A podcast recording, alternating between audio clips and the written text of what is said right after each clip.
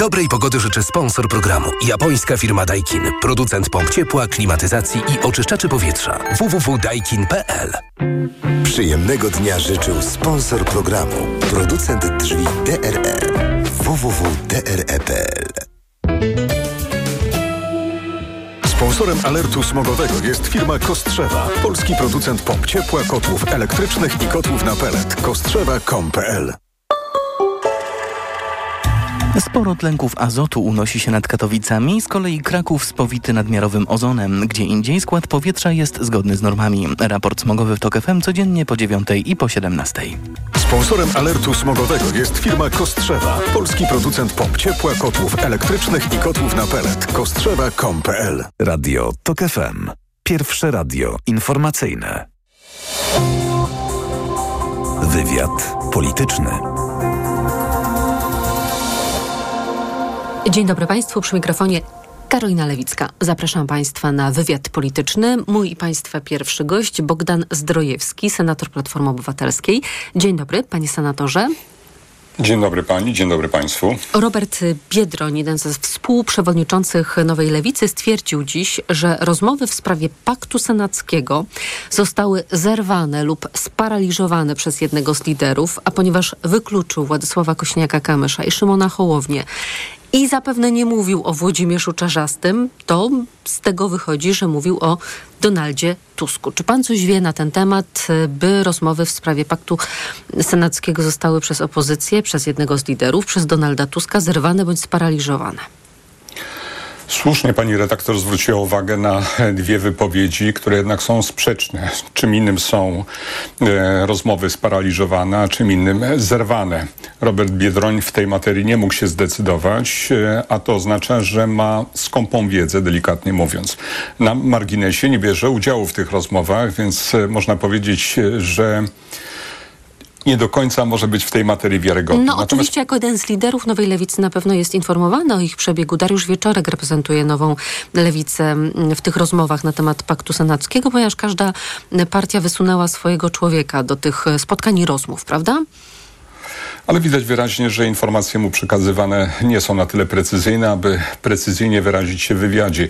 Ja powiem y, jedną rzecz, o której na pewno wiem. Po pierwsze, pakt y, nie został zerwany, rozmowy nie zostały sparaliżowane, natomiast mamy pewną pauzę w finalnych rozstrzygnięciach i tylko to chcę potwierdzić. Mhm.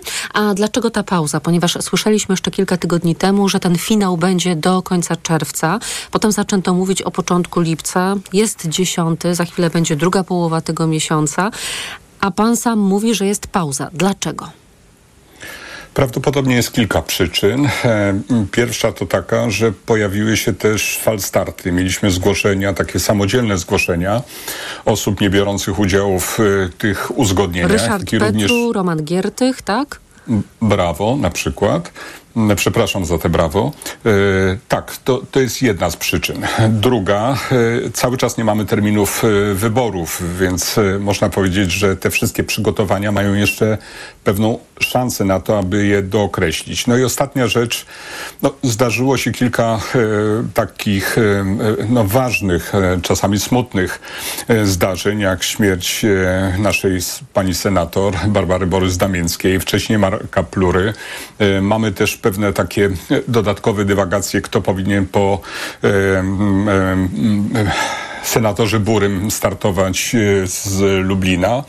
No i jest kilka takich regionów, które koniec końców zostały niedoprecyzowane, jeżeli chodzi o przynależność dla określonej grupy opozycyjnej i według mojej oceny to są takie poważne przyczyny. Mm. No i jeszcze jest jedna rzecz. No oczywiście są pojedyncze ambicje pojedynczych działaczy, którzy albo chcą zmienić Senat na Sejm, albo Sejm e, na Senat, czyli wrócić do Senatu, ale są, podkreślam to, przypadki marginalne, określiłbym je na poziomie 10-15% maksimum. Wszystko pozostałe jest ustalone. To ja zaryzykuję jeszcze jedną przyczynę. Może chodzi o to, kto dostanie największy kawałek tortu i może po prostu Platforma Obywatelska, ciesząca się obecnie mm, dobrymi wynikami w sondażach, walczy o jak największą pulę miejsc biorących.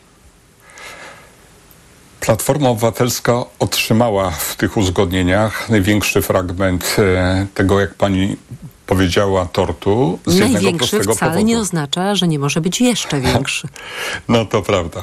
Natomiast uśmiecham się dlatego, że oczywiście o ten jeden dodatkowy, drugi okręg wyborczy może toczyć się nie tyle wojna, ile pewna rywalizacja, ale od razu odpowiem, że od samego początku wiadomo było, że cała opozycja, bez względu na to, czy jest to Władysław Kośniak-Kamysz, Szymon Hołownia, czy Donald Tusk, jeżeli chodzi o wybory i do Sejmu i Senatu, mają jeden prosty obowiązek i według mojej oceny go wypełnią, czyli optymalizacja wyniku.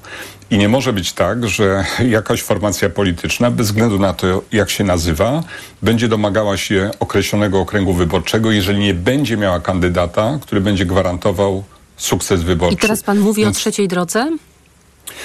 Teraz mówi nie tyle o trzeciej drodze, tylko o rozmaitych pomysłach, które sprowadzają się do tego, aby okręgi wyborcze wybierać według e, szans wyborczych, a nie według jakości kandydata. Wydaje mi się, że wszyscy, podkreślam, wszyscy staną na wysokości zadania i kandydaci będą na tyle optymalni, że wygramy te wybory według mnie stosunkiem 65 do 35 na rzecz koalicji O, obniża pan poprzeczkę, ponieważ o tym, że 65 okręgów jest biorących, to mówiono już od dawna, ale państwo już zaryzykowywali i taką tezę, że jeżeli się dobrze powalczy, to może jeszcze się PiSowi coś odbije, bo tych okręgów dla PiSu biorących to jest 30, nie, 20 kilka, więc jeszcze można było kilka, kilkanaście tych takich e, płynnych powalczyć. Nie jestem ryzykantem, więc stawiam na 65 i będę naprawdę szczęśliwy, jeżeli taki rezultat uzyskamy. To kiedy ten pakt senacki w końcu zostanie domknięty? Można dzisiaj Zostanie mówić o jakichś terminach, czy nie? Tak, można mówić już o e, konkretnych terminach. Ważne jest, i to muszę e, zastrzec, że poszczególne partie polityczne mają trochę inną procedurę akceptacji list i w związku z tym kandydatów przed rozpoczęciem zbierania podpisów pod określonymi listami. Więc zamknięcie projektu Senat to jest e, koniec lipca, początek sierpnia, na pewno nie później. Czyli dopiero koniec lipca, początek sierpnia. Jeżeli wybory będą Fantastyczny 15 czas, października, to trzeba będzie listy mm, rejestrować z kandydatami już na początku września, czyli tak miesiąc przed tak, to terminem. prawda. Ma pani rację. Tak, to prawda. To teraz Ale kolejny. damy radę. Damy radę. Są tacy politycy, którzy lubią to hasło i obecnie rządzą Tak. Polską. Y, Czy Donald Tusk, panie senatorze, usiłuje reaktywować nowoczesną? Bo w sobotę otworzył jej e, konwencję, padły propozycje niskie i proste podatki, żadnych nowych podatków w przyszłej kadencji, coroczna waloryzacja kwoty wolnej od podatku i progów podatkowych o stopę inflacji. Tak sobie myślę, że może taka reaktywowana nowoczesna ma być odpowiedzią na Konfederację. Nowoczesną nie trzeba reaktywować, bo ona jest, natomiast e, każde Nominalnie, wzmacnianie... owszem. No, no dobrze, ale ge- generalnie uważam, że my wszyscy nawzajem w opozycji, oprócz tego wzajemnego szacunku, takiego deklarowanego werbalnie na rzecz... no, takiego, jakby to najlepiej powiedzieć, opinii publicznej, że oprócz tego musi być też e, rzetelny szacunek wobec siebie i według mnie, jak obserwuję te wszystkie s- stosunki w obszarze e, opozycji, to muszę powiedzieć jest albo bardzo dobrze, albo dobrze, albo nieźle. W przypadku nowoczesnej jest bardzo dobrze. No ale chyba jakoś e, na razie ci, którzy mm, są przywiązani do mm, liberalizmu gospodarczego, a może nawet do takiej koncepcji państwa jako stróża nocnego, to nie na nowoczesną stawiają swój głos, tylko na Sławomira Mencena. To jest bardzo trudne zagadnienie. Od razu powiem, że ktoś, kto będzie szedł z hasłami wyłącznie e, liberalnymi, nie tylko w gospodarce, nie ma szans na zwycięstwo. Ma No ale ja pamiętam 10%. taką historię Platformy Obywatelskiej, która starała być e, partią e, wielopłaszczyznową, o skrzydłach, e, partią typu catch all, łap wszystkich, tak? których można złapać. Tak, wracamy troszeczkę do takiego, do tamtego czasu, ale uwzględniając upływ czasu. No mamy 2023 rok, a nie 2001, kiedy Platforma powstawała. Wiele się zmieniło. E, Urósł nam niestety przeciwnik e, niezwykle populistyczny e, i trzeba się do tej sytuacji dostosować. Z jednej strony ja cały czas się opowiadam za takim populizmem odpowiedzialnym, z drugiej strony za konieczną także taką nogą liberalną i tymi skrzydłami, o których pani e, słusznie wspomniała, lewym skrzydłem i prawym skrzydłem, to, prawo na, to prawe skrzydło nam trochę osłabło, lewe zostało wzmocnione, w związku z tym troszkę więcej trzaska nam na styku z lewicą czas do czasu, ale generalnie rzecz biorąc uważam, że idziemy drogą, aby Panie senatorze, ponieważ mamy problemy z połączeniem z panem, to spróbujemy coś z tą sprawą zrobić. Jeszcze poprosimy o to, żeby pan senator dokończył nam tę swoją wypowiedź, bo jesteśmy oczywiście jej e, ciekawi.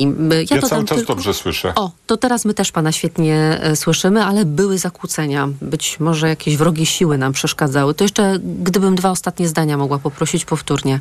Wydaje mi się, że e, racją jest też takie oczekiwanie od Platformy Obywatelskiej, żeby miała też skrzydła, te lewe i prawe. Te prawe nam ostatnio osłabło, lewe z kolei zostało mocno wzmocnione, w związku z tym czasami zgrzyta, delikatnie zgrzyta w stosunkach z nową lewicą, e, bo tu jest pewne pole rywalizacji, ale uważam, że siła Platformy Obywatelskiej będzie sprowadzała się do pewnej kompletności i jednak zdroworozsądkowości, w której musi się mieścić odpowiedzialny populizm, ale także musi być ten nurt liberalny, taki kontrolujący, krótko mówiąc, pewne deklaracje finansowe, budżetowe, e, będziemy kompletni. Według mnie będziemy kompletni i e, wydaje mi się, że wyborcy to i zauważą, i docenią. Odpowiedzialny populizm. Politolodzy już ostrzą pióra, żeby na ten temat coś napisać. E, tymczasem Jarosław Kaczyński o treści pytania referendalnego mówi tak. Nie mogę decydować za naszą większość parlamentarną, no i tu oczywiście przydałby się nam śmiech z puszki, ale idźmy dalej, ale jestem zwolennikiem tego, by było to jedno pytanie i odnoszące się do tego, czy akceptujesz politykę rządu, która odrzuca przymusową relokację nielegalnych imigrantów. Powtórzę, czy akceptujesz politykę rządu, która odrzuca przymusową relokację nielegalnych imigrantów? Jak się panu podoba to pytanie? W ogóle mi się nie podoba. Uważam, że jest kłamliwe, że to swoistego rodzaju oszustwo i łączenie tego jeszcze z kampanią wyborczą będzie tego do dodatkowym dowodem. To jest e, instrumentalizacja problemu, który nie istnieje. E, ja uważam, że jeżeli takie pytanie się pojawi, to powinniśmy e, bojkotować takie referendum, bo nie można odpowiadać na pytanie, które jest w założeniu oparte na fałszu. W zeszłym tygodniu Sejm uchwalił projekt zgłoszony przez posłów PiSu, który mm, dostosowywał ustawę o referendum do kodeksu wyborczego, żeby można było przeprowadzić i referendum, i wybory do parlamentu. Natomiast eksperci podkreślają, że te zmiany wprowadzone przez Prawo i Sprawiedliwość naruszają tak zwaną ciszę legislacyjną, czyli że nie należy zmieniać e, prawa wyborczego w roku, e, w którym te wybory się mm, odbywają. Czy zdaniem pana może to potem służyć do, no, do podważenia tegoż referendum? Oczywiście, że tak. Natomiast ja już się niczemu nie dziwię. PiS wielokrotnie łamał konstytucję. E, dlaczego nie zrobić tego po raz e, kolejny? Oni nie mają żadnego oporu w tej materii. Będą starali się utrzymać władzę za wszelką cenę, ale według mnie, jeżeli popełnią ten delikt, dodatkowy, to znaczna część wyborców jednak nie da się na to e, złapać, nie da się oszukać. Będzie wiedziała dokładnie, co zrobić z pytaniami referendalnymi i to może się obrócić przeciwko PiSowi. To jeszcze na koniec chciałabym, panie senatorze, porozmawiać z panem o teraźniejszości i przyszłości w kontekście sojuszu ołtarza stronem, bo Jarosław Kaczyński, a także wielu innych prominentnych polityków Zjednoczonej Prawicy było z pielgrzymką Radia Maria na Jasnej Górze. I Ryszard Czarnecki, pytany o to wydarzenie, mówi tak. Myślę, że nie powinno się narzucać zakonom zgromadzeniom tego, co mają robić. To jest kwestia autonomii Kościoła i państwa. Mam wrażenie, że takie próby wsadzania Kościoła do kruchty nie są rzeczą właściwą. Kościół ma prawo zabierać głos w sprawach publicznych i umożliwiać to innym. I mi się od razu przypomniał wiceszef ZHN-u w 1993 roku, Stefan Niesiołowski, potem zresztą polityk Platformy Obywatelskiej, który też rolę Kościoła w wyborach widział wówczas na początku lat 90. ogromną i mówił, że księża nie mogą milczeć w czasie tak ważnym jak wybory, bo chodzi o to, żeby nie oddać głosu politykom lewicowym, których celem jest ateizacja kraju, a jak wierni poproszą proboszcza, żeby wytłumaczył, na kogo głosować, to czemu nie, kiedy księża milczą, ludzie błądzą. No i wydaje się, że po tych 30 latach znowu jesteśmy w tym samym punkcie wyjścia. Przekroczono wiele granic i to musi martwić. Kondycja Kościoła w dniu dzisiejszym jest e, więcej niż marna. Wynika to z wielu elementów e, prowadzonych w samym Kościele, ale w znacznym stopniu z tego, jak się wobec Kościoła zachowuje obecny rząd. Gigantyczne dotacje niewidzenie czasami także przestępstw, brak szacunku do państwa świeckiego doprowadzenie do sytuacji takiej, że minister, ważny minister wręcza jakiś miecz warty 250 tysięcy właśnie zakonnikowi. To są rzeczy, które mają charakter zarówno symboliczny, jak i również faktyczny i pokazuje, jak bardzo mocno państwo nasze stało się państwem niestety nieświeckim, e, a mamy to zapisane w Konstytucji. To jest kolejny dowód na e, łamanie tych przepisów, na które Polacy się zgodzili, na ten pewnego rodzaju e, uzus, który powinien obowiązywać, a nie obowiązuje. Złamano bardzo wiele takich elementarnych zasad. Ja bardzo e, z dużą taką przykrością patrzę też, jak wygląda katecheza w szkołach. E, Musimy ona kończyć, nie panie jest senatorze. wiedzą o religii, ona jest swoistego rodzaju indoktrynacją. To bardzo martwi. Bogdan Zdrojewski, senator Platformy Obywatelskiej. Dziękuję bardzo za rozmowę. Dziękuję bardzo. Państwa zapraszam na informacje. Wywiad polityczny.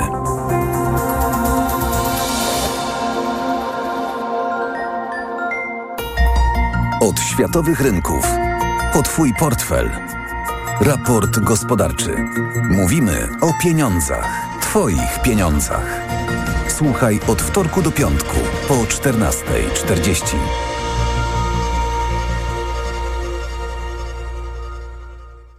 Udanych inwestycji życzy sponsor programu Rotenso, producent pomp ciepła i systemów klimatyzacji. www.rotenso.com Reklama. RTV Euro AGD. Uwaga! Mocna wyprzedaż! Wybrane produkty w mocno obniżonych cenach. Na przykład smartfon Realme 8, aparat 64 megapiksele. Najniższa teraz ostatnich 30 dni przed obniżką to 699. Teraz za 669 zł. I dodatkowo w tym roku nie płacisz. Do 30 lat 0% na cały asortyment. RRSO 0%. Szczegóły i regulamin promocji ratalnej w sklepach i na euro.com.pl. Aha, czyli u pani dyskomfort przy oddawaniu moczu nawraca. Tak, pani doktor. I to dosyć często, chociaż biorę leki. Leczenie to podstawa, ale tu bardzo ważna jest również specjalistyczna higiena intymna. Proszę kupić w aptece Iladian Uro. Iladian Uro? Tak, specjalistyczny żel kosmetyczny. Iladian Uro myje, pielęgnuje i w konsekwencji chroni układ moczowy. Dziękuję. W takim razie zamienię swój żel na Iladian Uro.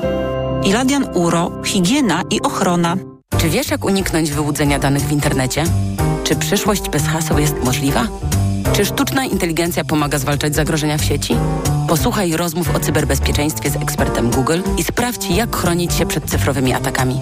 W poniedziałki, środy i piątki w TOK FM między 13 a 16. Partnerem cyklu jest Google. Każdego dnia dbamy o Twoje bezpieczeństwo w sieci. Lato to słońce, upał i dużo ruchu na świeżym powietrzu. Upały to nie są żarty. Osłabienie, ciągłe pragnienie i brak energii wraz z potem możesz stracić cenne elektrolity i minerały. Potrzebujesz orzeźwienia. Litorsal. Suplement diety nawadnia, szybko gasi pragnienie, utrzymuje prawidłowy poziom płynów i elektrolitów podczas upałów i wysiłku fizycznego. Litorsal. Dostępny w aptekach. Zdrowit. Proszę, pana nowe okulary. Dziękuję, ale i tak będę brać Maxiluten, który pani mi poleciła. I bardzo dobrze. Maxiluten zawiera wysoką dawką luteiny i składniki wspierające wzrok, cynk i wyciąg z róży stulistnej. Chociaż w pana wieku jeszcze lepszy będzie suplement diety Maxiluten Cardio. O, wspiera prawidłowe widzenie i dodatkowo dzięki wyciągowi z głogów wspomaga układ krążenia. Z całego serca polecam panu Maxiluten Cardio. Aflofarm. Reklama. Radio TOK FM. Pierwsze radio informacyjne. Informacje TOK FM. 17.21 Piotr Jaśkowiak, zapraszam. To były za wysokie progi dla Huberta Hurkacza. Najlepszy polski tenisista przegrał z Nowakiem Dziokowiciem mecz o ćwierćfinał Wimbledonu, choć postawił się Serbowi. W studiu ze mną jest Przemysław Pozowski z redakcji sportowej Radia Tok FM. Dzień dobry. Witaj, powiedz jak wyglądał ten mecz.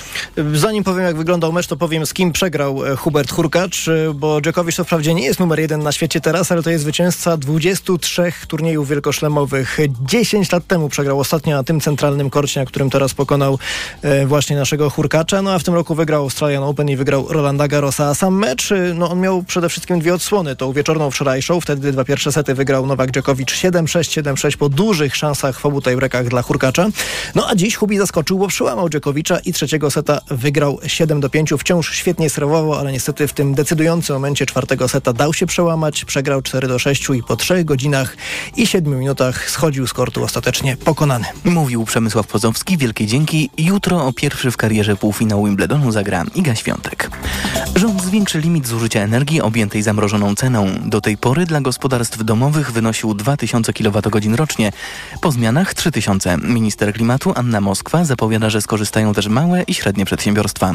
Przepisy musi jeszcze przegłosować parlament i podpisać prezydent. Słuchasz informacji TOK FM. Władze Sudanu nie wezmą udziału w rozmowach pokojowych. Oskarżają Kenię, która je organizuje, o sprzyjanie przeciwnej stronie wojny domowej. Od połowy kwietnia o władze w kraju walczy dowódca regularnej armii z dowódcą paramilitarnych sił szybkiego wsparcia.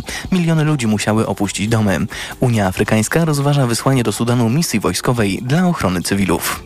Zachodnia Europa i Polska zmagają się z upałami, a w Republice Południowej Afryki spadł śnieg. Portale z Johannesburga publikują nagrania palm targanych śnieżycą. Władze zamknęły część dróg, a hodowcy zwierząt liczą straty. Więcej informacji w TOK FM o 17.40. Teraz prognoza pogody.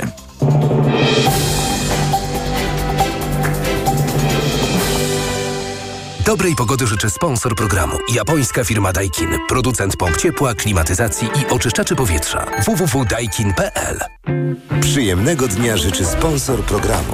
Producent drzwi DRE.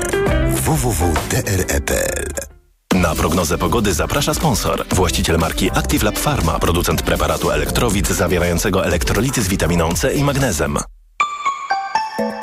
Pogoda. Jutro najcieplej na zachodzie 29 stopni Celsjusza w Zielonej Górze, w Łodzi i Wrocławiu 28, w Poznaniu i Warszawie 27, w Krakowie 26, w Lublinie 25 stopni, a 22 w Trójmieście. Dziś chmury, przelotny deszcz i grad na zachodzie kraju. Zagrzmi też miejscami w Małopolsce i na Górnym Śląsku. Dobrej pogody życzy sponsor programu. Japońska firma Daikin. Producent pomp ciepła, klimatyzacji i oczyszczaczy powietrza. www.daikin.pl Przyjemnego dnia życzył sponsor programu. Producent drzwi DRE.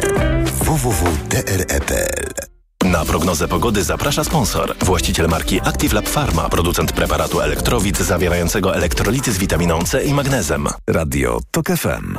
Pierwsze radio informacyjne. Wywiad polityczny. Doktor Agnieszka Bryc jest z nami, Uniwersytet Mikołaja Kopernika w Toruniu. Dzień dobry pani doktor. Dzień dobry. Od razu powiem, że mogą państwo też obejrzeć rozmowę z panią doktor na profilu Radia Tok FM na Facebooku. Szczyt NATO w Wilnie jutro, pojutrze, drugi po rosyjskiej agresji na Ukrainę i pierwszy po rozszerzeniu się paktu o Finlandię.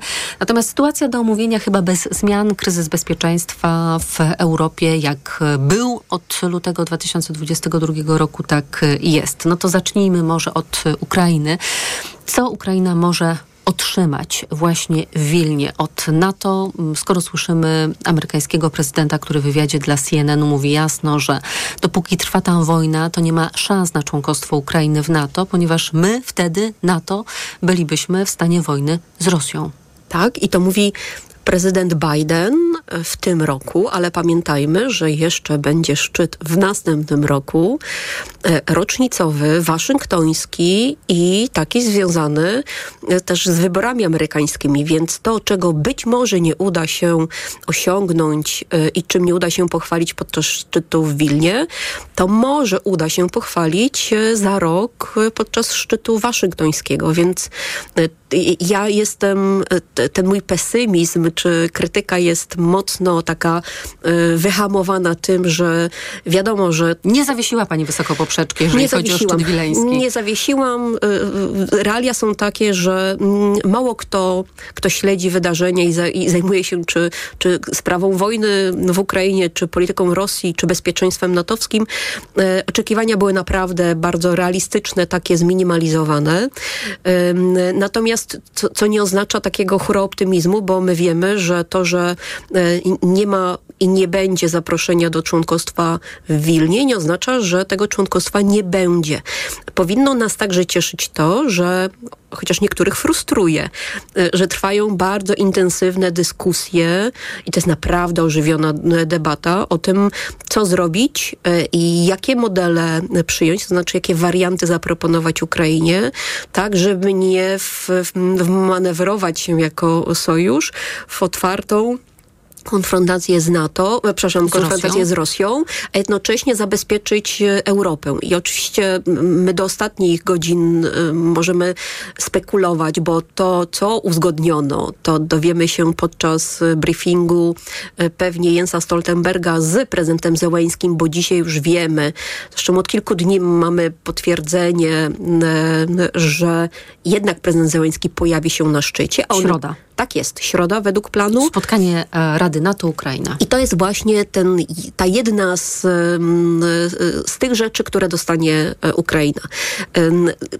Czyli stworzenie tej Rady NATO-Ukraina, tak? To de facto to jest podniesienie y, poziomu wzajemnych stosunków. wzajemnych stosunków. Do niedawna funkcjonowały one na poziomie komisji NATO-Ukraina. Ta komisja była absolutnie poniżej tego stanu, który był zaoferowany w dobrych relacjach, w czasach dobrych relacji Rosji z NATO. Radę Rosja-NATO y, miała Moskwa, tak? Więc y, z uwagi na wojnę relacje zostały zamrożone, de facto nie utrzymujemy wzajemnych kontaktów i profitem, czyli tym, tym zyskiem strony ukraińskiej będzie to, że tym razem już będą te relacje oparte nie na takich formatach doraźnych, ale na stałej Radzie e, Rosja-NATO. Ona się będzie pewnie nazywała... Ukraina-NATO? Przepraszam, właśnie ta Rosja to jest jednak, przepraszam, to tak, to tak zawodowo w głowie. E, to będzie Rada Ukraina-NATO i ona będzie funkcjonowała na zasadzie już takiego pełnego prawa głosu dla Kijowa, więc e, trudno A będzie... Kijów będzie robił dobrą minę do złej gry, bo przecież bardzo głośno domagał się wyznaczenia takiej jasnej perspektywy wejścia do sojuszu, a tu będzie nagroda pocieszenia.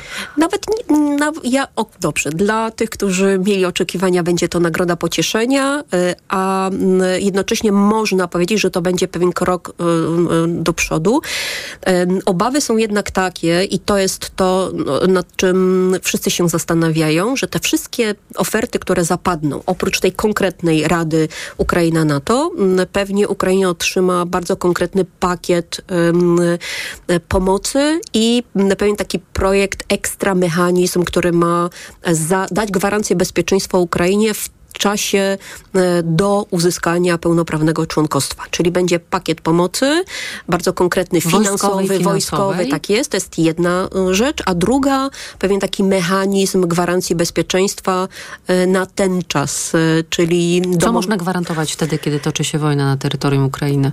To, I tutaj mamy kilka wariantów i zobaczymy, który de facto, na który zdecydują się państwa członkowskie. Ale ja od razu zastrzeg zastrzegę, że faktem jest, jest i to jest to, co mm, ja pomimo optymizmu względem przyszłego członkostwa Ukrainy w NATO dostrzegam, że wszystkie e, projekty pośrednie, czyli takie oddalające perspektywę członkostwa, czyli takie kompromisowe, są absolutnie e, odbierane w Moskwie jako a zgoda państw NATO na zamrożenie konfliktu, bo one pozwalają, dają taką szansę na to, żeby Moskwa zamroziła konflikt, a wręcz zachęcają Rosję do tego, żeby ten konflikt zamrozić albo a wydłużyć. Wiem, że to jest niebezpieczne, bo a to, to jest... pozwoli złapać e, Rosji drugi oddech i zaatakować za kilka lat. Tak jest. Dwa, to jest ten drugi argument, że Moskwa wszelkie kompromisy traktuje jako nagrodę za swoją agresję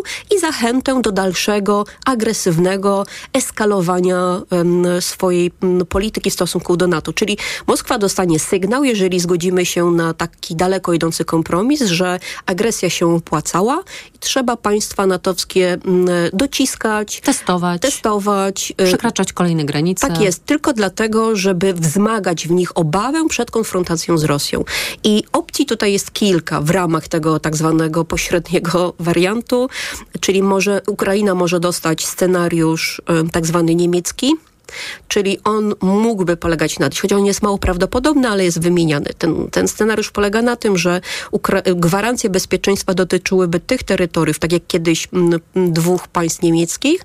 M, gwarancje dotyczyłyby terytorium kontrolowanego w pełni efektywnie przez rząd, e, czyli tak daleko sięgałyby gwarancje natowskie, jak sięgałaby władza rządu w Co Kijowie. to by oznaczało, jeżeli na przykład spadłyby rakiety na Lwów? To co wtedy? No właśnie, teraz pytanie, czy mm, oznaczałoby to, mm, że Rosja zdecydowałaby się na mm, konfrontację z, z NATO? Ja uważam, i to też jest potwierdzone mm, nawet w dotychczasową relacją Rosji z NATO, że Rosja dokładnie i doskonale czyta bardzo twarde czerwone linie. Znaczy ona wie, jeżeli postawi sojusz jasno sprawę, że y, mm, na przykład bardzo szybko przyjmujemy Ukrainę, ale na to się nie zapowiada, albo na przykład rozszerzamy gwarancję bezpieczeństwa na terytorium do prawda, tej linii frontu, e, wówczas Uważa pani, że Rosja mówi... nie zdecyduje tak się jest. na przekroczenie tejże granicy? Tak jest. Tak? Rosjanie absolutnie szanują argument siły, nie szanują siły argumentu i potwier mamy potwierdzenie z ostatnich lat, czyli ze szczytu bukaresztańskiego. W 2008 roku pamiętam prezydent Bush forsował przyłączenie Ukrainy i Gruzji do NATO. Sprzeciwiły się przede wszystkim Francja, Niemcy. Frank-Walter Steinmeier, dziś prezydent Prawda? Republiki Federalnej Niemiec, był wtedy przeciwny. Tak jest, ale y, Moskwa odebrała to wtedy jako po pierwsze ustępstwo NATO. I słabość. I słabość, a więc powstała, pe, powstało pewne okno możliwości, które Moskwa wykorzystała i cztery miesiące później, prawda, po tym dowodzie na to, że NATO tak jest, bierze pod uwagę weto Rosji, Rosja zdecydowała się na zaatakowanie Gruzji. Więc każde ustępstwo i każdy kompromis jest dla Rosji dowodem na to, że NATO bierze pod uwagę def, to faktyczne, a nie oficjalne, faktyczne weto Rosji w stosunku do członkostwa Ukrainy w, w sojuszu. Więc mamy wariant niemiecki, niemiecki, mamy wariant izraelski, który jest najczęściej omawiany. On miałby polegać na tym, że albo NATO, albo państwa poszczególne członkowskie w sposób wyjątkowy wspierałyby finansowo, militarnie e, e, Ukrainę tak, aby ta mogła m, stać się takim europejskim Izraelem. Tylko sami, m, sami Ukraińcy mówią, że pomysł ten nie jest najlepszy, ponieważ e, specyfika sojuszu amerykańsko-izraelskiego jest inna niż amerykańsko-ukraińskiego, to znaczy nie jest tak dogłębna i taka nie, nie, niezachwiana, jak to mówi prezydent Biden. Dwa, um, Izrael miał przewagę strategiczną nad państwami arabskimi, a dzisiaj Ukraina nie ma przewagi strategicznej nad Rosją, to Rosja ma broń jądrową, a nie ma jej Ukraina. E, więc ten Bo wariant... ją oddała w zamian za gwarancję. No więc właśnie. Jeszcze... Między innymi ze strony Rosji. Tak jest. Jeszcze jest wariant um, tak zwanej koalicji chętnych, czyli tych państw, które wzięłyby na siebie ciężar... Ciężar odpowiedzialności, tak ochrony, jest. obrony, wsparcia. Tak, tak, jest. I tutaj też są pewne domniemania, że być może trwały rozmowy. A kto mógłby być w tej koalicji mowa jest, mowa jest o czterech państwach, ale pamiętajmy, że jeżeli nie będzie w nich ostatecznie Stanów Zjednoczonych, to, y, to, nie to będzie to bezwartościowa tak naprawdę.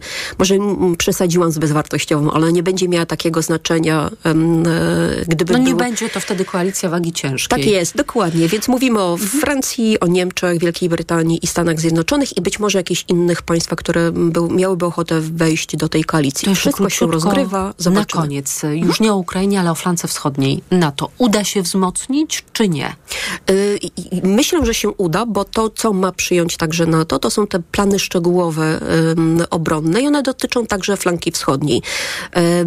I to już będą bardzo konkretne rzeczy, takie, które w, w przypadku pewnego pewnego kryzysu bezpieczeństwa powodują, że NATO decyduje nie na poziomie strategicznym, tylko już operacyjnym. Czyli to są takie warianty pewnych kryzysów, które mogą się, mogą się wydarzyć i NATO będzie już wtedy lepiej przygotowane, skróci czas reagowania, więc tak, będziemy mieli, zakładam, wzmocnienie flanki wschodniej. No to czekamy. Czekamy. Na jutro i na pojutrze. Doktor Agnieszka Bryc, Uniwersytet Mikołaja Kopernika w Toruniu, moim Państwa gościem. Dziękuję za rozmowę, Dziękuję Pani bardzo. doktor.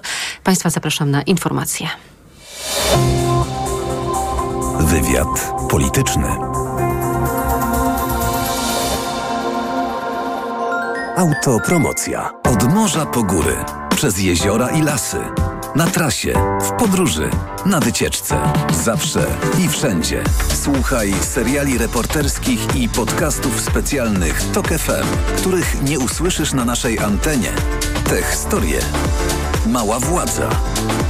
Lub czasopisma. Dołącz do TOK FM Premium i sprawdź, co jeszcze dla Ciebie przygotowaliśmy. Teraz 30% taniej. Szczegóły oferty znajdziesz na tokefm.pl. Autopromocja. Reklama.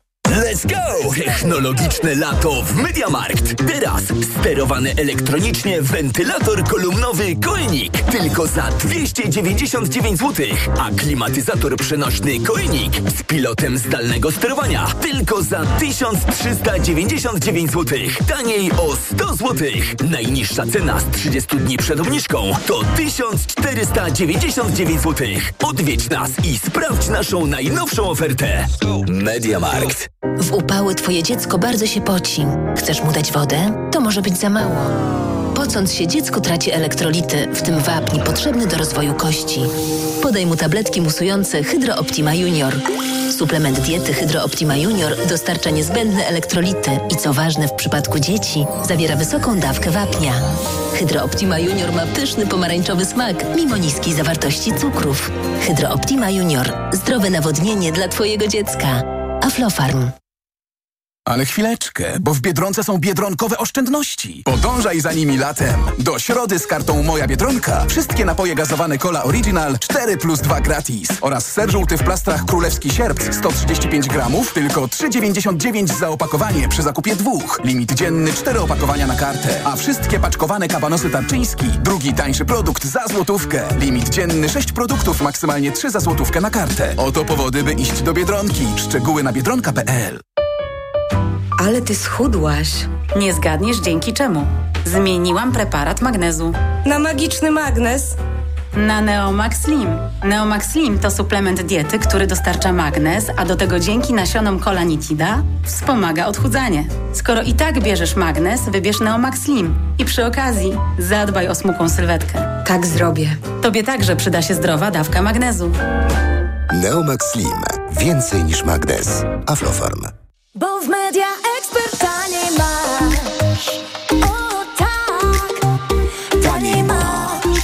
Wielka wyprzedaż w Media Expert. Smartfony, telewizory, laptopy i tablety, słuchawki i głośniki bezprzewodowe, szczoteczki soniczne, depilatory świetlne w super niskich cenach. A do tego do 30 lat 0% i w tym roku nie płacisz. RSO 0%. Bo w media.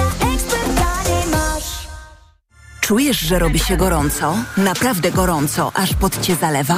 Masz mokre włosy, dekolt, ręce, twarz, spływa ci makijaż? Nie panikuj. Kup w aptece nowość. Medispirant Express. Płyn na skórę ciała i głowy, twarz i ręce. Medispirant Express działa tu i teraz. Ekspresowo niweluje pocenie tam, gdzie tego potrzebujesz. Użyj i zobacz, jak skóra błyskawicznie staje się wolna od potu. Sprawdź to. Medispirant. Bez potu na dobre. Dostępny w aptekach. Reklama. Radio TOK FM. Pierwsze radio informacyjne. Informacje TOK FM. 17.40. Piotr Jaśkowiak, zapraszam. Ukraińcy twierdzą, że zajęli kluczowe wzgórza w pobliżu Bachmutu. Według wiceminister obrony z Kijowa, ukraińska armia ma w zasięgu ognia drogi dojazdowe z i do zrujnowanego miasta na wschodzie kraju. Wiosną, po wielomiesięcznej bitwie, Bachmut znalazł się pod rosyjską okupacją. Na początku czerwca Ukraina zaczęła kontratak, ale do tej pory nie odniosła znaczących sukcesów. Na jutrzejszym szczycie NATO z Warszawy popłynie silny sygnał, zapowiada prezydent. Sygnał, że polityka rosyjska posługująca się groźbami eskalacji jądrowej przeciwko państwom sojuszu nie może pozostać bez odpowiedzi, mówi Andrzej Duda. Kreml przemieszcza na Białoruś głowice atomowe. Po nieudanym marszu na Moskwę przeniosą się tam też zapewne najemnicy z grupy Wagnera. Przywódcy krajów NATO jutro zaczynają obrady na Litwie. Głównymi tematami będą groźby ze strony Rosji i wojna na Ukrainie. W najbliższych dniach poznamy datę wyborów prezydenckich. Tak przynajmniej zapewniał telewizji polskiej minister z kancelarii prezydenta. Wszyscy mówią o 15 października, wszystkim chyba najbardziej podoba się ta data, stwierdził Andrzej Dera.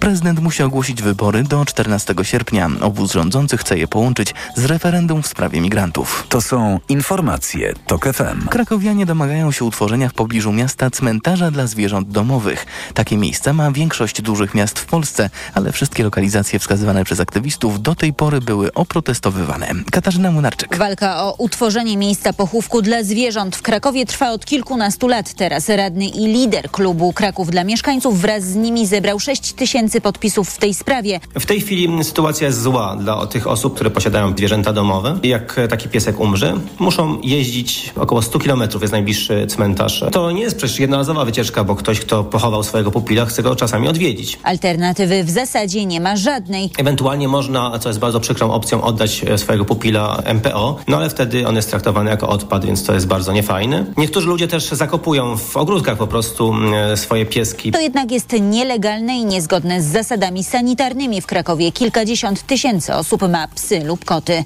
Z Krakowa Katarzyna Młynarczyk. TOK FM. O 18 więcej informacji w magazynie TOK 360. Pogoda. We wtorek zachmurzenie małe i umiarkowane, na wschodzie początkowo duże i tam przelotne opady deszczu. Na południu Lubelszczyzny oraz na wschodzie Podkarpacia miejscami burze, gdzie nigdzie z gradem. Od 19 stopni Celsjusza na Helu, około 23 stopni na wschodzie, do 29 na południowym zachodzie. Radio TOK FM. Pierwsze radio informacyjne. Wywiad polityczny. Jakub Majmurek jest z nami, krytyka polityczna. Dzień dobry, redaktorze. Dzień dobry. W Międzyzdrojach stanęła sobie Aleja Milionerów. To jest happening Platformy Obywatelskiej, a ta aleja to tekturowe podobizny ludzi związanych z Prawem i Sprawiedliwością naturalnej wielkości. Każda z tych osób w tekturowej postaci trzyma w ręku tekturową teczkę, a na niej wypisana jest kwota, jaką dana osoba się wzbogaciła za czasów Prawa i Sprawiedliwości. Na przykład Iwona Duda, siostra szefa PiSu w Ostrowcu Świętokrzyskim, wzbogaciła się o 3 miliony 358 tysięcy złotych. Gratuluję. Potem aleja pojawi się także w Sopocie, w Kołobrzegu, w Ustce, czyli w takich typowo wakacyjnych kurortach. To jest skuteczne komunikacyjnie, zdaniem pana? No, zależy do kogo skuteczny i jakie sobie zakładamy cele z takim komunikatem. Wydaje mi się, że on na pewno dociera do przekonanego elektoratu opozycyjnego, jakoś tam go mobilizuje, czy dociera do wyborców niezdecydowanych albo do wyborców PiS, którzy mogliby z tego powodu powstrzymać swoje poparcie dla rządzącego obozu, to raczej mam wątpliwości. No, Platforma i inne partie opozycyjne od bardzo dawna mówiły o e, nepotyzmie PiS, o obsadzaniu e, spółek Skarbu Państwa z partyjnego klucza. Media ujawniały, w jaki sposób te osoby, które wzbogaciły się dzięki PiSowi właśnie na lukratywnych stanowiskach w spółkach Skarbu Państwa, e, często no, nie wykazując jakichś oczywistych na pierwszy rzut oka kompetencji, które predestynowałyby ich do tej pracy, e, no, dzieliły się z tym z partią bądź jej prominentami, wpłacając dosyć wysokie kwoty na ich e, kampanię wyborczą, no ale nigdy jak dotąd nie wywołało to trzęsienia ziemi polskiej polityce. Więc też ta wystawa wakacyjna, jak sądzę, też trzęsienia ziemi nie wywoła. No ona raczej jest jakimś takim rodzajem e, komunikacji z własnym wiernym elektoratem niż czymś, co jak sądzę mogłoby przeciągnąć wyborców na drugą stronę bądź zdemobilizować jakoś bardzo mocno wyborców strony przeciwnej, choć to już prędzej. Ale też myślę, że te osoby, które się już miały zdemobilizować e, tego typu przypadkami ze strony PiSu, no to są już zdemobilizowane I tutaj e, już raczej no, ta kwestia, że dzięki PiSowi jego nominanci w spółkach Skarbu Państwa zostali milionerami, no to nie jest być może taki komunikat, który zdecyduje, e, że wyborca, który był do tej pory przekonany, że pójdzie na wybory i zagłosuje na PiS, zostanie w domu. Pytanie czy tak generalnie kropla drąży skałę, czy też absolutnie nie, bo oczywiście tych doniesień o tym, jak PiS dorabia się e, dzięki państwowym pieniądzom, PiS jako partia i pojedynczo działacze, politycy, rodziny, krewni polityków i działaczy Prawa i Sprawiedliwości, jest całe mnóstwo tychże doniesień. I pytanie, czy kiedyś ta, te informacje osiągną masę krytyczną, czy też absolutnie nie. I tu chciałabym wrzucić dwa wnioski, które mm, można znaleźć w najnowszej książce Przemysłowa Sadury Sławomira Sierakowskiego, Społeczeństwo Populistów. Oni zwracają tam uwagę na po pierwsze podwójny stosunek Polaków do korupcji, czyli o ile Polacy nie akceptują kradzieży dla siebie, to dla partii i owszem, rozumieją, że tak trzeba, jeżeli partia ma się utrzymać przy władzy, jeżeli to jest ich partia, na którą oni głosują, to tym bardziej jest duże ich zrozumienie, dlatego że ta partia na przykład przywłaszcza sobie publiczny grosz, że go wykorzystuje do tego, żeby przy tej władzy nadal trwać. A drugi wniosek, o którym nam mówią badacze, to jest to, co powtarza się przez lata badań, co bardzo szybko zafunkcjonowało w obrocie publicystycznym, ale także politologicznym, czyli ten motyw wiem, że PiS kradnie, ale przynajmniej się dzieli. Czyli e, moim obywatela interesem, obywatela, który głosuje na Prawo i Sprawiedliwość, jest dalsze trwanie Prawa i Sprawiedliwości przy władzy, no bo coś za tej władzy jednak dostałem. A że PiS kradnie, a kto nie kradł, odpowiada obywatel. Więc zastanawiam się, czy w takiej atmosferze w ogóle te wszystkie doniesienia, które się pojawiają, no chociażby to ostatnie, o tym jak Fundacja Enei kupiła za ćwierć miliona złotych miecz, miecz czasów Mieszka I i ofiarowała go ojcu Ryzykowicz, to w ogóle kiedykolwiek ma szansę no, zrobić odpowiednie wrażenie. To jest też pytanie, co tutaj rozumiemy przez odpowiednie wrażenie. Myślę, że w ogóle czasy w polityce, kiedy jedna afera, tak jak kiedyś afera Rywina, jest w stanie zatopić jakiś obóz polityczny, bądź niemalże zatopić, albo przynajmniej go przesunąć z pierwszej politycznej ligi do drugiej, bo taki był los SLD e, na początku lat 2000, no to się już skończyły. Jak gdyby, zwłaszcza jeżeli przyjrzymy się temu, jak w ciągu ostatnich ośmiu lat wyglądała sfera publiczna, to bez problemu zauważymy, że poszczególne afery, które miały być jakimś takim wielkim wstrząsem, raczej się nim nie okazywały. One bardzo szybko były przykrywane przez nowe tematy, często też po prostu przez nowe afery. I żadna z nich jakoś e, no, nie miała takich konsekwencji trzęsienia ziemi. Za to rzeczywiście, no być może, nawet nie być może, istotnym prawdopodobieństwem jest tak, że te różne doniesienia o nepotyzmie, o prywatyzacji publicznych środków, o wykorzystywaniu spółek Skarbu Państwa do realizowania e, partyjnych celów, no jakoś składają się na zużycie władzą przez PI, e, władzy jakiego doświadcza PiS, na zniechęcenie części wyborców, którzy zastanawiają się, czy faktycznie no, warto się pofatygować na te partie zagłosować. No, widzimy, że PiS jest dzisiaj dużo słabszy niż był w 2019 roku i raczej nie widać takiego scenariusza, w którym mógłby to naprawić do końca kampanii, jeszcze przed wyborami, jak gdyby zmobilizować podobne poparcie. No i też oczywiście takie, taka percepcja partii, która uwłaszcza się na państwowym, jest w tym e, jakoś tam istotna. Jest to też część tego równania, które, prawda?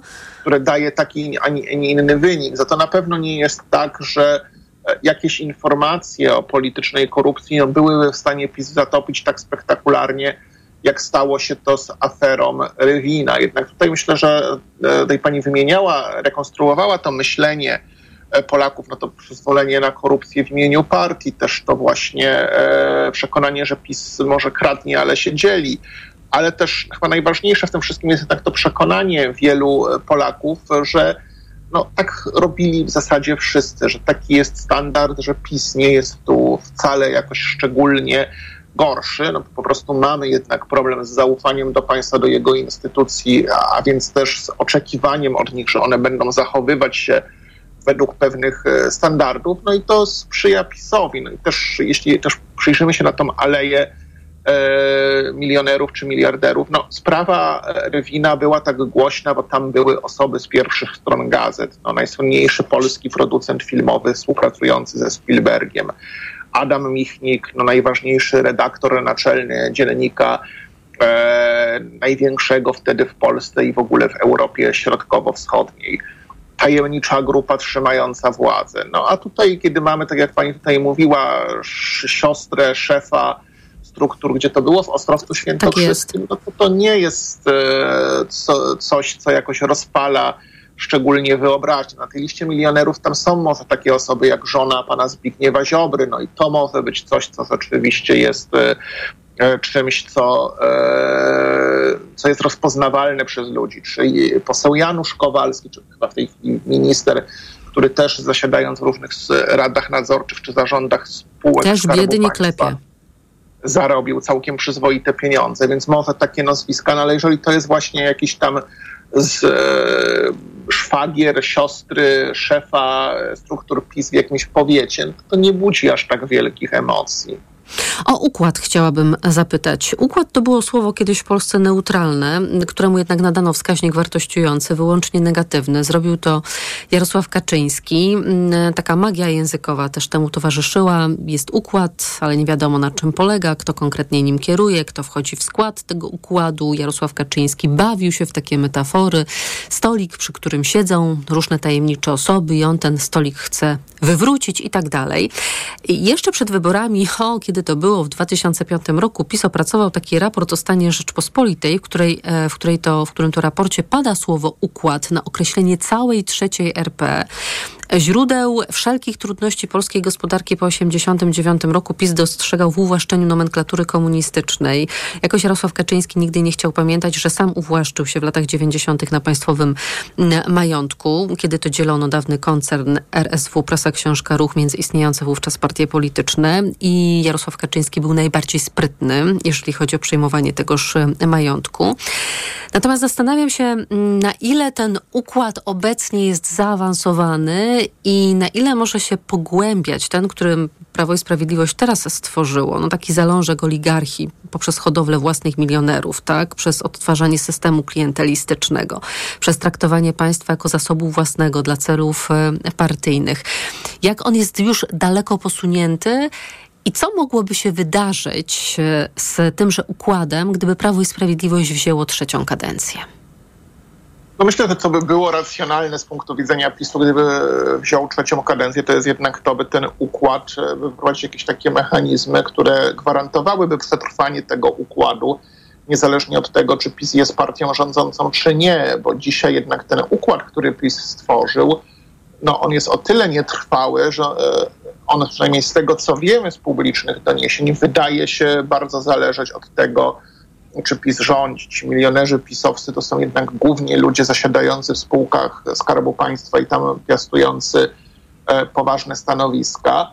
PiS do tej pory nie stworzył, tak jak na przykład Orban, swojej biznesowej oligarchii, która sprywatyzowałaby jakieś naprawdę znaczące kapitały, zawdzięczała to partii, która, no, o której wiadomo by było, że nawet w sytuacji opozycyjnej ich majątki tam jakoś by wspierały szeroko rozumiane środowisko Zjednoczonej Prawicy. Możemy się domyślać, że też e, tutaj, prawda, e, na różnych szczeblach mogą iść kontrakty do zaprzyjaźnionych biznesmenów, ale nie ma w sektorze prywatnym kogoś, kto miałby te, e, ten kapitał jakiś taki istotny, zakumulowany, żadnego odpowiednika prezesa Obajtka. Jednak ta ci, ci pisowscy milionerzy, to, to jest to wszystko sektor państwowy, no i wystarczy, że PiS przegra wybory.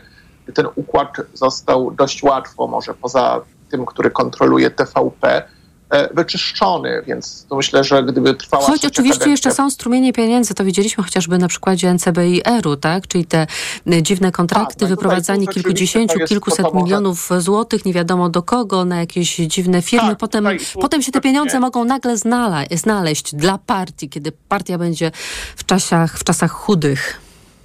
Tak, to rzeczywiście tutaj tego typu mechanizmy już występują. Myślę, że z punktu widzenia właśnie populistycznej, nieszanującej reguł demokracji partii, no to jest jakiś tam logiczny ruch, by w ten sposób właśnie tworzyć własne zaplecze biznesowe. E, I tylko jest właśnie, my trochę właśnie nie wiemy, na ile PiS je stworzył poza sektorem e, państwowym, poza, poza spółkami Skarbu Państwa, bo dzisiaj trochę funkcjonalnie rolę, którą na przykład na Węgrzech odgrywają prywatni oligarchowie, w Polsce odgrywają spółki Skarbu Państwa. Nie wiem, to one finansują deficytowe, popierające rząd tygodniki opinii, to one właśnie kupują ten miecz dla ojca Rydzyka, bo to fundacja właśnie związana z Eneą zakupiła tenże gadżet, e, czy antyk, czy, czy nie wiem jak to, jak to, jak to No jak nazwać. ćwierć miliona kosztował, to chyba zabytkowy. No, tak, z czasów Mieszka I, no to musi być zabytkowy, tak, także tutaj z pewnością jest to, jest to, jest to zabytek, dlatego właśnie się waham nad słowem gadżet, czy, czy właśnie nie wiem, jak to, jak to, jak to nazwać, relikt, e, no w każdym razie kosztowny prezent. E, no i e, Ostatnie tutaj... zdanie. e, No i to, także tutaj myślę, że, że, to jest, że, to, że to jest coś, czego bym się po PiSie spodziewał w trzeciej kadencji. Jakub Majmurek, krytyka polityczna. Bardzo dziękuję panie redaktorze za rozmowę. Dziękuję bardzo.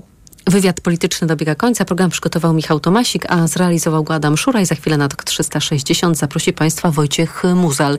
Ja jak zawsze w poniedziałek zapraszam Państwa jeszcze na powrót do przyszłości. 83 lata temu zaczęła się bitwa o Anglię. I o tym właśnie będzie ta historia. Słyszymy się z wszystkimi chętnymi tuż po 22. Dobrego popołudnia. Wywiad polityczny.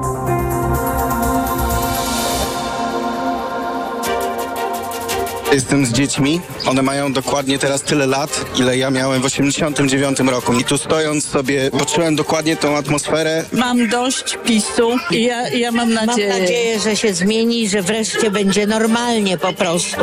Dla nas starych, ale i dla naszych dzieci i wnuków przede wszystkim. PiSowi demokracja była potrzebna, żeby został wybrany, natomiast y, demokracja PiSowi przeszkadza w utrzymaniu władzy.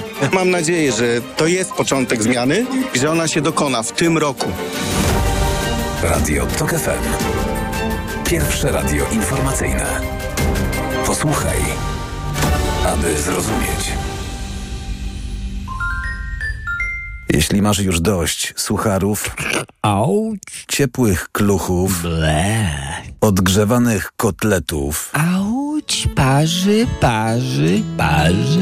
zapraszamy na pierwsze śniadanie w toku. Świeżutki przegląd prasy, skwierczące od informacji rozmowy, pobudzające jak mocna kawa. Piotr Maślak, zapraszam od poniedziałku do piątku od piątej rano.